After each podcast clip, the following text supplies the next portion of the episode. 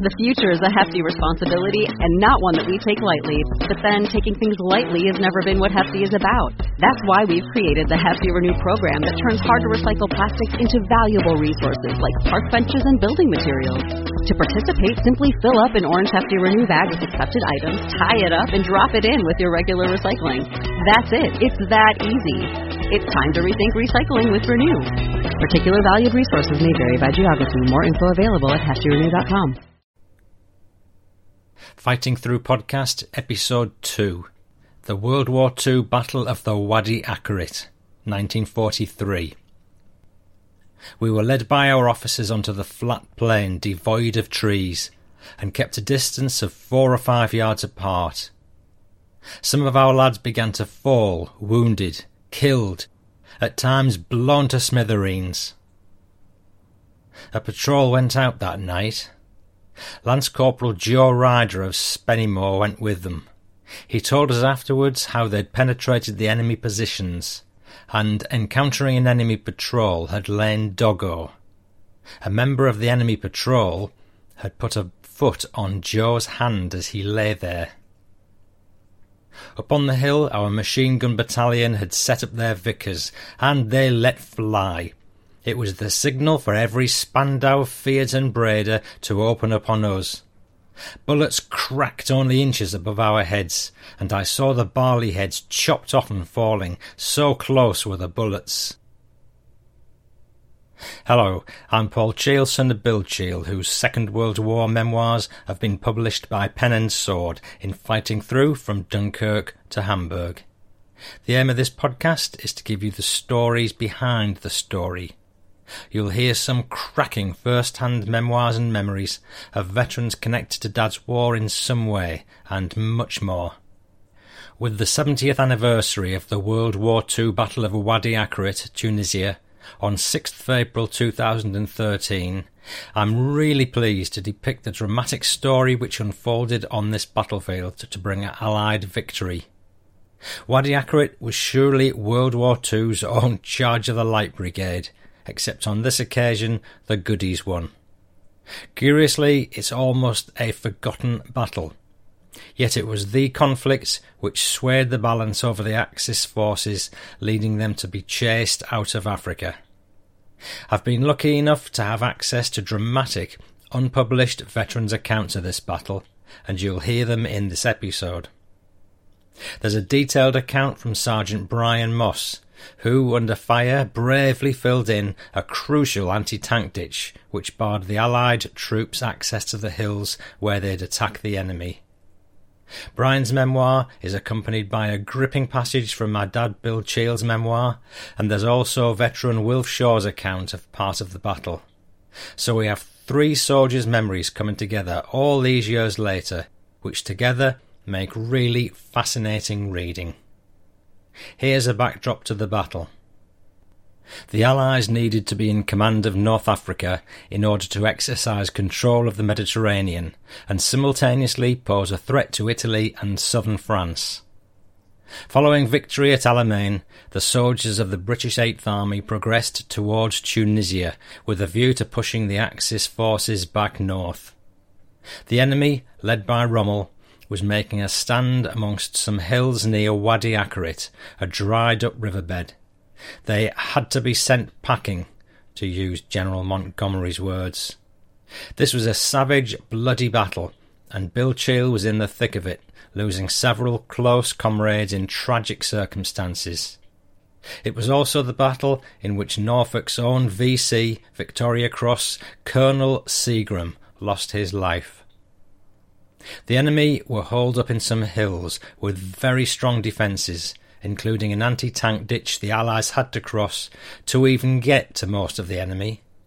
But even to get there, they had to cross a flat, open plain for several thousand yards, taking point 85, a small hill also known as the Pimple, in the process. The battle involved the 4th Indian Division, the 50th Infantry Division and the 51st Highland Division, amongst many others, and started just before dawn. I'm going to start with Bill Cheall's memoir of the battle. He was with C Company, the 6th Green Howards, with 69th Brigade of the 50th Infantry Division, also comprising 7th Green Howards and the 5th East Yorks. It's April 6th, 1943. The Allies are attacking an enemy holed up in some hills in Tunisia. We were taken to a clearing about three miles away, which was screened from the enemy by trees. We were assembled and told in great detail and in no uncertain terms what was expected of us, also the method to be used to dislodge the enemy. This was so different to the attitude of our commanders previously, when we faced the enemy without any knowledge of the part we had to play. Unlike years ago, we were treated not as a number, but as a human being by our officers, and the lads responded accordingly by showing more interest than had previously been the case, simply because we'd been put in the picture. Our officers too showed greater enthusiasm for the conflict, knowing that they had the confidence of those who were behind them in what was to be done. The enemy were ensconced in hills in the distance, only four miles away, and the plan of attack was as follows. The enemy held a good strong position overlooking our every move on the perfectly flat plain over which we were to advance. The hills were rather steep at the front, but our battalion was to attack a section just right of centre where the ground was level. Running through the valley was Wadi Akarit, an old dried up riverbed Running along the length of the front of the lower ground was an anti tank ditch, about six feet deep and eight feet wide, the whole area being mined and barbed wired. We were given all the necessary information relating to the attack, and with strict instructions to give the buggers hell. The attack was to go in as follows the 51st Highland Division on the right, the 4th Indian Gurkha Division on the left. Our 69th Brigade would attack the centre gap, the 5th East Yorks on the left, 7th Green Howards in the centre, 6th Green Howards on the right. But owing to the narrowness of the gap, the 6th would be in front of the 7th and would assault a prominent feature known as Point 85. Then we'd spread out and let the 7th in. We crossed the start line at 0400 hours on a lovely moonlit night. It was almost eerie. Everything was so quiet at this early hour. And then, all of a sudden, as if somebody had pressed a switch, everything came to life as our 25 pounders opened up and we moved forward at a steady walking pace. We were led by our officers onto the flat plain, devoid of trees, and kept a distance of four or five yards apart advancing at a steady walking pace towards our objective. We'd gone about one mile when the enemy let us know that he was expecting us and was responding accordingly. Shells began to fall a little way in front of us, then behind us, and then amongst us. He'd found the range with the result that some of our lads began to fall, wounded, killed, at times blown to smithereens. The enemy now opened up with 88 millimeter and the shells were soon bursting amongst us with more accuracy as we advanced about eight yards apart with our rifles across our chests. The enemy threw everything at us, and we felt very exposed on that flat plain, but there was no turning back. Hell, I felt vulnerable, but never afraid. We had other things to think about. Strangely enough, at this stage, fear never entered our heads. The job had to be done, and there was no turning back. Two thousand yards from the gap, there was not even the usual scrub to drop behind. The 69th Brigade soon ran into trouble. Our C Company made a very spirited attack on Point 85 and took it with the loss of some good lads. The East Yorks and the 7th Battalion were pinned down by heavy machine gun fire. The 4th Indian and 51st Highland had been successful in their initial attacks, and somewhat reduced the firing down onto us, and we advanced cautiously. As we got nearer to the enemy, the fire from their machine guns, mortars, and 88s slackened off because we were below their line of fire. By the time we'd reached point 85, the Gurkhas had already gone into action in the dead of night in their usual way, stealthily, without any artillery support whatsoever. With their kukris, a very sharp, curved, broad knife, about eighteen inches long, demanding a heavy penalty. These very brave soldiers from Nepal must have put the fear of death into the enemy. On the other hand, the enemy would not live long enough to be afraid, because in seconds his decapitated head would be on the ground. Also, during the dark hours, under cover of our 25 pounders, one tank had reached the anti tank ditch. This tank had been knocked out and was still on top of the filled in ditch, and a very gory sight confronted us. The tank commander had been killed, I'd say, by machine gun fire. His body, or what remained of it, was hanging over the edge of the turret. It had almost been cut in two. His head and shoulders were intact, but the whole middle of his body was splattered over the side. The intestines hanging out where the stomach had been ripped open, and blood flowed freely everywhere. The commander must have been standing in the hatch observing when the tank was hit. What an awful sight! How cheap life was! Many of our young lads had not been in action before, and this was the sight which greeted them. We were now attacking as platoons and sections, and our section, led by Lance Corporal Coughlin, bending low to the ground, moved to the right, and we had to tread warily because we were very often overlooked. We must have advanced about two hundred yards, not realizing that we were being observed from a concealed trench.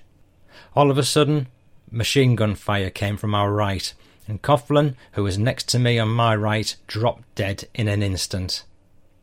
It was an awful experience seeing poor Coughlin's life being ended so suddenly. For a moment we could not believe it. Then my rage was up, and I, being the senior soldier, took command. It all happened in seconds, and I shouted to the other lads to keep firing towards the enemy trench on the hillside, to make them keep their heads down. Angry, I grabbed poor Coughlin's submachine gun and shouted, Come on, lads, charge the bastards, send them to hell, but keep firing, and don't forget your grenades. Firing as I was running, I killed the first Italian who showed his head. When we were about ten yards away, we'd reached the top of the slit trench, and we'd killed the survivors, five of them cowering in the bottom of the trench.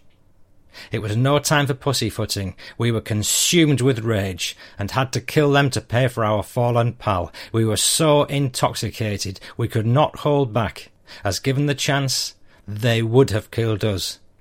This much I'd learnt at Dunkirk.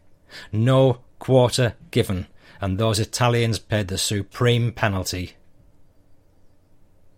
It was almost impossible to believe that a healthy young man's life could be ended in a split second. Only a few minutes before I was talking to Coughlin, now he was dead. That event is still imprinted in my thoughts as if it were yesterday. It took another four hours of killing and winkling out the enemy from his trenches and filthy dugouts in the hillsides before the firing quietened down, then stopped.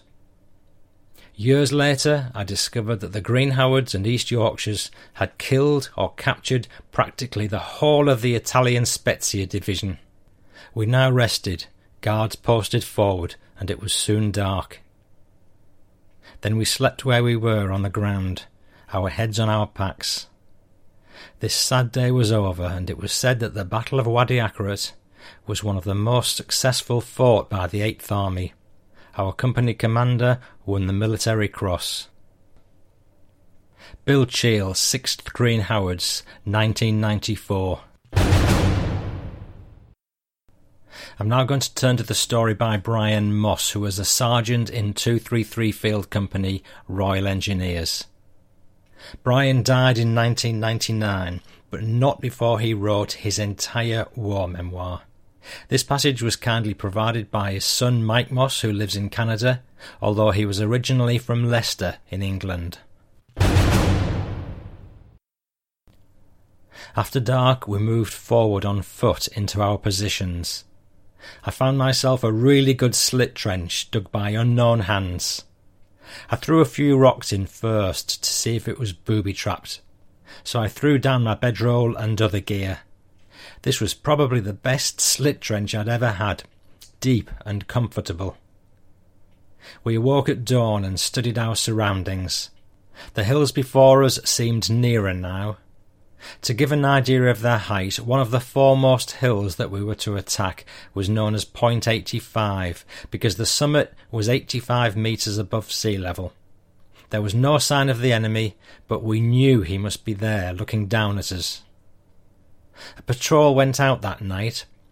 Lance Corporal Joe Ryder of Spennymoor went with them. He was a long-term member of 2 Platoon and told us afterwards how they'd penetrated the enemy positions and encountering an enemy patrol had lain doggo. A member of the enemy patrol had put a foot on Joe's hand as he laid there. Both men knew that if either of them raised the alarm, they would be dead. So they ignored one another and the moment passed. Anticipating our next move, I exercised the men on blowing an anti tank ditch. This was a drill that we'd perfected at Mareth. Italian dug anti tank ditches were formidable affairs, twelve or fifteen feet deep, with the enemy side almost vertical. They were quite impassable to any tank. Even infantry found them difficult to cross without the use of scaling ladders. Our drill included digging out holes on the enemy's side and inserting tins of ammonal, ammonium nitrate mixed with aluminium powder. On exploding, this would crack off an enormous triangular chunk of earth which would drop into the ditch and fill it. We were officially informed that day that we were to be involved in a set piece attack and that one of our tasks would be the anti tank ditch. On the afternoon of 5th of April, we were told to roll up our beds and other gear and leave them in our trenches. We were to parade in battle order after the evening meal. At dusk, we climbed aboard our truck and jolted slowly away to BHQ, the 7th Green Howards. What were we doing at 7th Green Howards, I wondered. Two platoons supported 5th East Yorks. There we stood in a line where once again a tablespoonful of overproof rum was poured down our throats. What this was for we couldn't imagine, since we weren't supposed to be going in until 4:30 a.m. Still, no one refused the top that CSM Nobes poured into us. We were told to get some sleep. This we did by lying on the bare earth, surrounded by infantry who were also attempting to sleep. Their carrier was nearby and was loaded to the brim with ammo, water, and mortar bombs. I recall that night as extremely noisy. The Luftwaffe seemed to know that we were not in slit trenches, and they droned back and forth all night long, dropping case after case of butterfly bombs, which thunderously exploded in carpets, unrolling across the ground at 200 miles an hour. Luckily, they did not come nearer to us than about 100 yards. The New Zealand ack went crazy, and none of us could sleep at that time. Eventually, the Luftwaffe departed to their sauerkraut or whatever, and we slept. Later, a carrier engine burst into life. The vehicle moved, and we heard an abbreviated scream. Apparently, it had run over some poor devil lying asleep on the ground. We got to our feet, each thinking, that is not going to happen to me.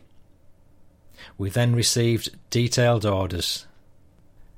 Sergeant Betts, four sappers, and I were to accompany the assaulting company of 7th Green Howards.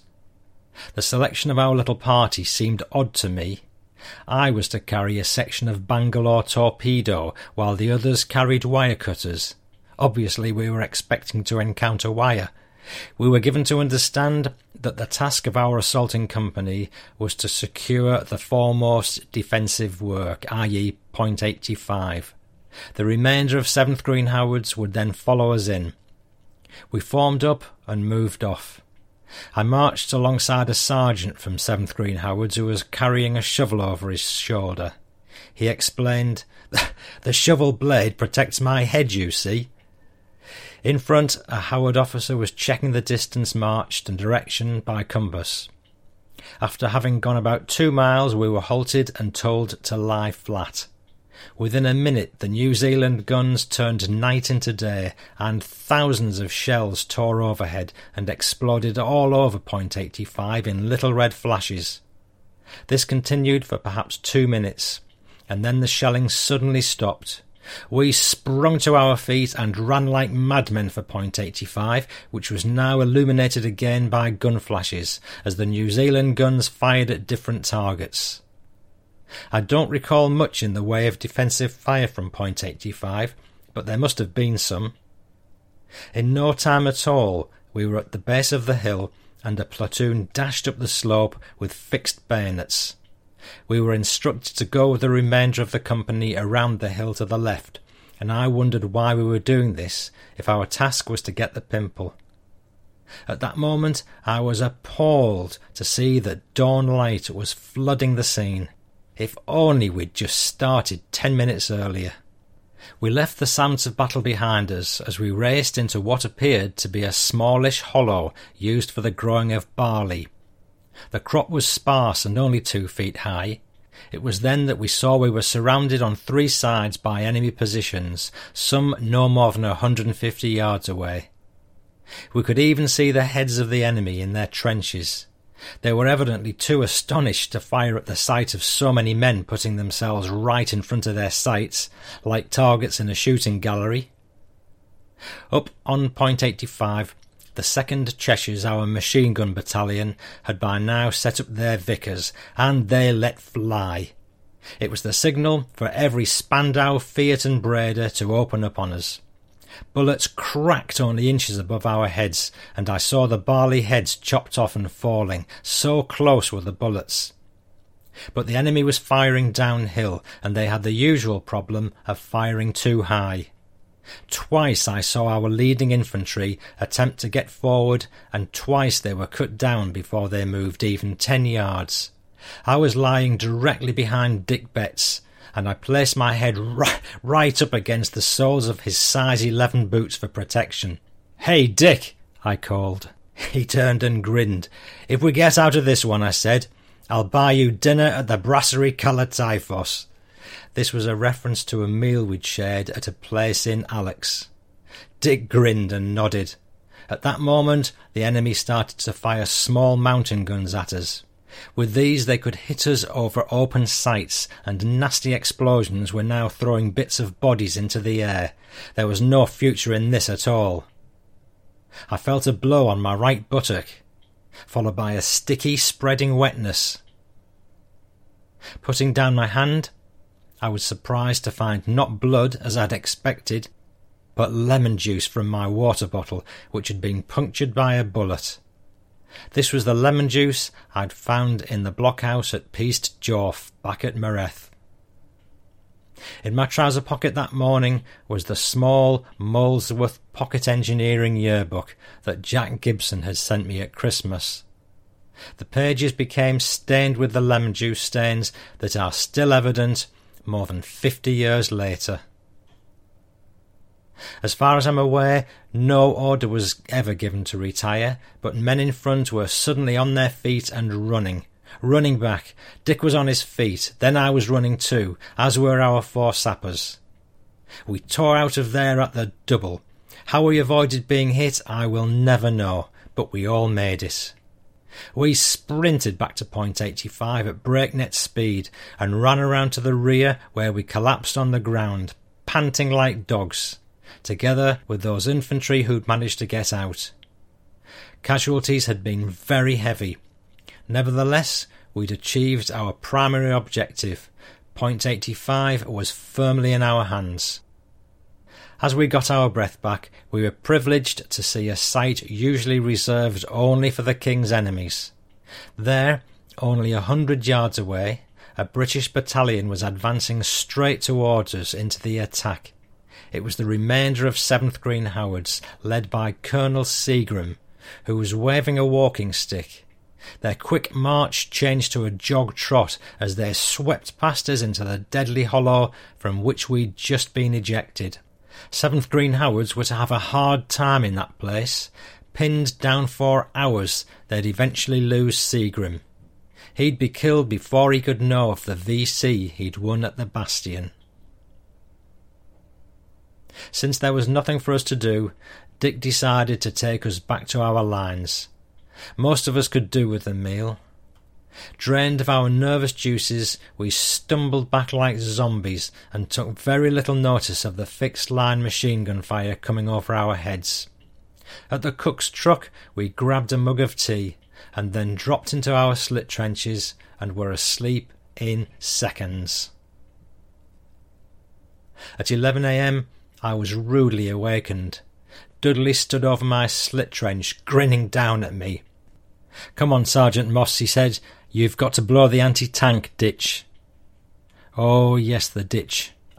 I scrambled out, wondering why he said, You have got to blow the ditch, and not we. I could have done with another six hours' sleep, but there was no time for that now. Dudley had already assembled fifteen men, a white armoured scout car, and a three tonner. The truck carried tools and explosives as well as men. We all climbed aboard, and Dudley led the way in a jeep. I suppose our destination would be about a mile to the left of Point 85, an area of peculiar circular lumps about 100 feet in diameter and 15 feet high, sticking up here and there above general ground level. We parked the transport in the lee of one of these lumps, since the area was under shell fire. Dudley suggested that five men be left behind until I was ready, and then they could bring up the explosive, which was in heavy crates. The remainder of us proceeded on foot directly towards the hills, carrying picks and shovels. I think the shelling was fifteen centimetre stuff. They came in screaming and exploded on the iron hard ground, throwing splinters hundreds of yards. We progressed therefore in a pattern of diving, crawling, and scrambling. We were just the quick and the dead. If you weren't quick, you were dead. There was also a new noise in the sky, a pumping, howling wail, accompanied by wobbling smoke trails in the sky racing towards us and terminating in horrendous explosions. This was the first time I saw Nebelwerfers in action. I was impressed. Still, since I was drained of nervous energy by the affair at dawn, I felt no fear at all, and I examined the torn off rocket tubes of the Nebelwerfers with interest. It was evident that 5th East Yorks had been hard hit here. Torn and dismembered bodies lay everywhere. Most wore balaclava helmets. It was later said that their leading companies suffered 70% casualties here. I was leading ten men up into the shell fire. Then we saw enemy bunkers to the left and to the right. At fifty yards we saw weapons pointing at us, but we thought they were unmanned. I steered a course through these bunkers that I thought a tank could follow. After going for another sixty yards, there was the ditch. It was the usual kind of Italian ditch, the kind I'd once spent the night in elsewhere. The Fifth East Yorks had cut step holes in the sides to enable men to climb them. I looked around for the best place to blow it. Although I didn't know it at the time, Fifth East Yorks were only just in front of us, held up by heavy fire. The fire to which we were subjected was aimed at Fifth East Yorks. I settled on a good place and decided to take out a shovel width trench ten feet back from the edge of the ditch on the enemy side. I set the lads digging with the picks and shovels that they'd carried up there, and you should have seen them go at it. Their picks whirled and thudded, and their shovels hurled out the earth in fine style. To the rear, I could see tiny figures back there, struggling up through shell bursts with heavy crates. I waved so that they could see where we were. The work was going well, so I detached three men to help move up the explosives. We finished the trench to a depth of three feet and a length of eight yards, and we prepared everything for the explosives. A shell burst suddenly obscured two carriers, and we were sure they must have been killed. But when the smoke cleared, they were still struggling towards us. We tore open the crates as they arrived, wrenching out the black tins of ammonal. Recalling an instructor's words, I laughed like a maniac and yelled, Ammonal must not come into contact with naked steel, as I ripped off the circular tin lids with a bayonet. We placed the open tins in the trench. I knotted primers onto lengths of primer cord, burying a primer in the contents of each tin. I then taped each length of primer cord to a main of the same material, arranging for the separate lengths to enter the main at a sweet curve, which the detonating wave could safely follow. A detonator and two minutes of safety fuse completed my arrangements. The lads had been backfilling the trench while I worked. It was now time to blow the ditch. I sent all men into cover in the enemy bunkers. Then I did something that even now makes me laugh. I took up my whistle and blew a long blast signifying an imminent explosion. In view of what was dropping all around us, this was ludicrous and would not be heard anyway. I placed a match head on the obliquely cut safety fuse. You always cut the fuse on the slant. I stroked the matchbox across the match head, and the fuse started to burn. Then I too found a bunker. In due course there was an earth shock and a rumble. Stones fell all around. Then I peeped out. The blast had been remarkably successful. The sharp, deep V had gone. The ditch was more than three quarters filled, and the lip of the enemy side had disappeared. It was time for the bent shovels. The bent shovel was a long handled Egyptian shovel, the steel neck of which had been heated and bent so that the blade was at right angles to the shaft. Each man had carried one of these, as well as a pick or general service shovel and his rifle. My lads were emerging from the bunkers, and to my surprise, a dozen enemy infantry came out first, their hands in the air. They were Italians of the Spezia division, the troops holding 5th East Yorks were 90 light and 15 panzer.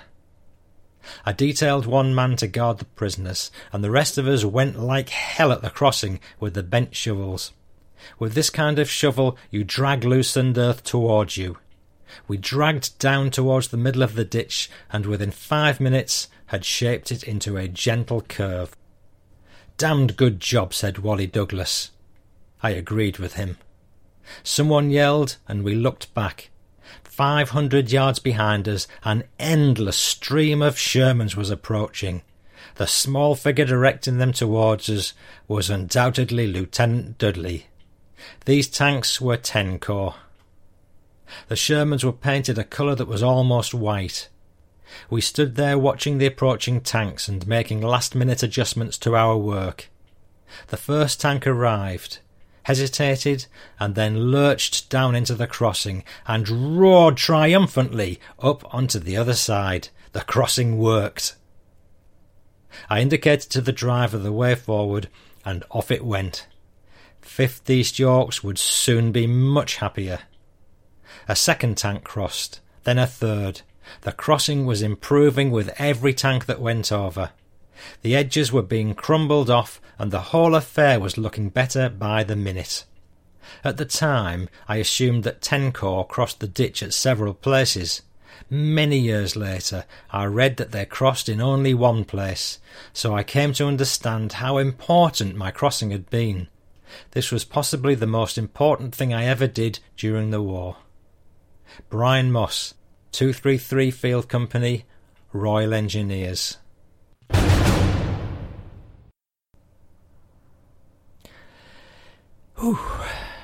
Take a breather. This third story I've got for you is by Wilf Shaw, also of the 6th Green Howards. I was in the signal platoon with Bill Wright. The battle here was the by now familiar heavy artillery barrage against dug in positions situated on the high ground across our front. Unlike Alamein, the attack took place in daylight. Ginger, Bill Wright's nickname, and myself were attached to B Company, one carrying the 18 radio set and the other the spare batteries, plus all the other equipment, of course. We started our ascent into the hilly ground through the white tapes laid down by the engineers, and suddenly we were under heavy fire. We got the orders to deploy. We scattered widely. Men went up on anti personnel mines or hit with shell and mortar fire. Ginger and I dug in fast and lay praying and sweating it out, but at least this time, unlike Alamein, I was in a position where I didn't have to contend with deadly small arms fire. I don't recall exactly how long we were pinned down. It seemed chaos all around us, with cries of stretcher bearer and everybody trying to shout out commands of one sort or another. A Bren carrier went up on a mine right beside where we lay. The crew spewed out and tumbled to the ground in a daze. We could hear a lot of small arms and automatic fire from up front, then comparative silence. We got the order to move forward. We moved through a ravine between the hills, part of which was under fire from 88 millimeters. We came to a halt again, right next to a slit trench which had been used by the Italians. A shell crashed down not far away from us. We dived into the slit trench. The Italians had used it as a toilet, and it stunk to high heaven. We moved on again, glad to get away from the 88s and the stink. We moved forward right through the hills and into the clear beyond. I couldn't understand what a new army boot was doing lying on the ground nearby. I picked it up and then dropped it immediately. The foot was still in it. Wilf Shaw, 6th Battalion, the Green Howards. And following is the content of a letter to Wilf written by a pal Fred Zilkin about the battle and pal Jimmy's death. I was scared to death of being up front, but even more scared of running away. Another thing, Wilf, that Wadi Akarit do in Tunisia. Me and Jimmy Wilson were with D Company as we advanced against those Italian positions. Jim was carrying the 18 set. I was operating and carrying the batteries as we advanced across the open ground. Shells and mortar shells dropping around like rain. I said to Jim, let's make a run of it. Get into a slit trench, but then a mortar bomb shell landed. Must have been right at our feet. A deafening explosion, and I felt a sharp pain in my top right hand thigh and at the same time I saw Jimmy riddled with shrapnel crumble to the floor. I could do nothing for him. I've often thought, why did I only get one piece and Jimmy got death? There was just two feet between us. Jimmy had lengthened the lead between the 18 set and batteries just a couple of days before, whilst we were still moving up. I can't understand how Jimmy was killed and I got away with just one piece of shrapnel. It's still in my back. I didn't know until I went for an x ray for an appendix operation. Wilf said, Jim Wilson was such a lovely lad, so inoffensive, but fully committed to the job he had to do. And this is a Wilf postscript about the Battle of Wadi Akarit. In the battle for Mareth and Wadi Akarit alone, the 6th and 7th Green Howards had 500 casualties. As an advancing force, these would be either killed or wounded. The signal officer, Captain Levins, was himself one of the wounded. There were others in the signal platoon that at that time I knew well, but whose names now I've forgotten. I don't have to tax my memory about any of those awful times. They're engraved all too indelibly in my mind. This time I wasn't one of the casualties. I was one of the survivors. But my nerves were near to breaking point. Akarit was almost the end of the campaign in North Africa. The last encounter with the Africa Corps, as far as we were concerned, took place at Enfidaville just a few weeks later, when we were stuck for days on end in a kind of large orchard, which was infested with the largest and most voracious mosquitoes we'd ever seen. They just never stopped biting us. Fortunately for us, they were non malarial. I find it hard to believe I climbed that Wadi Akarit now. What a desolate, god-forsaken place it was. And listener, I've interviewed Wilf for the podcast, and you can share a coffee with him and with me in episode 4. I dare you. I hope you enjoyed this episode. If you want to see photos of the characters in this podcast together with exclusive photos and a map of some of the action, please do visit my website at fightingthroughpodcast.co.uk. Each episode is depicted in a list on the homepage, so just look for the link to episode 2 Wadi Akarit. And please do get in touch with any aspect of this podcast via the contact button on the website. I'll say goodbye and see you on the next episode.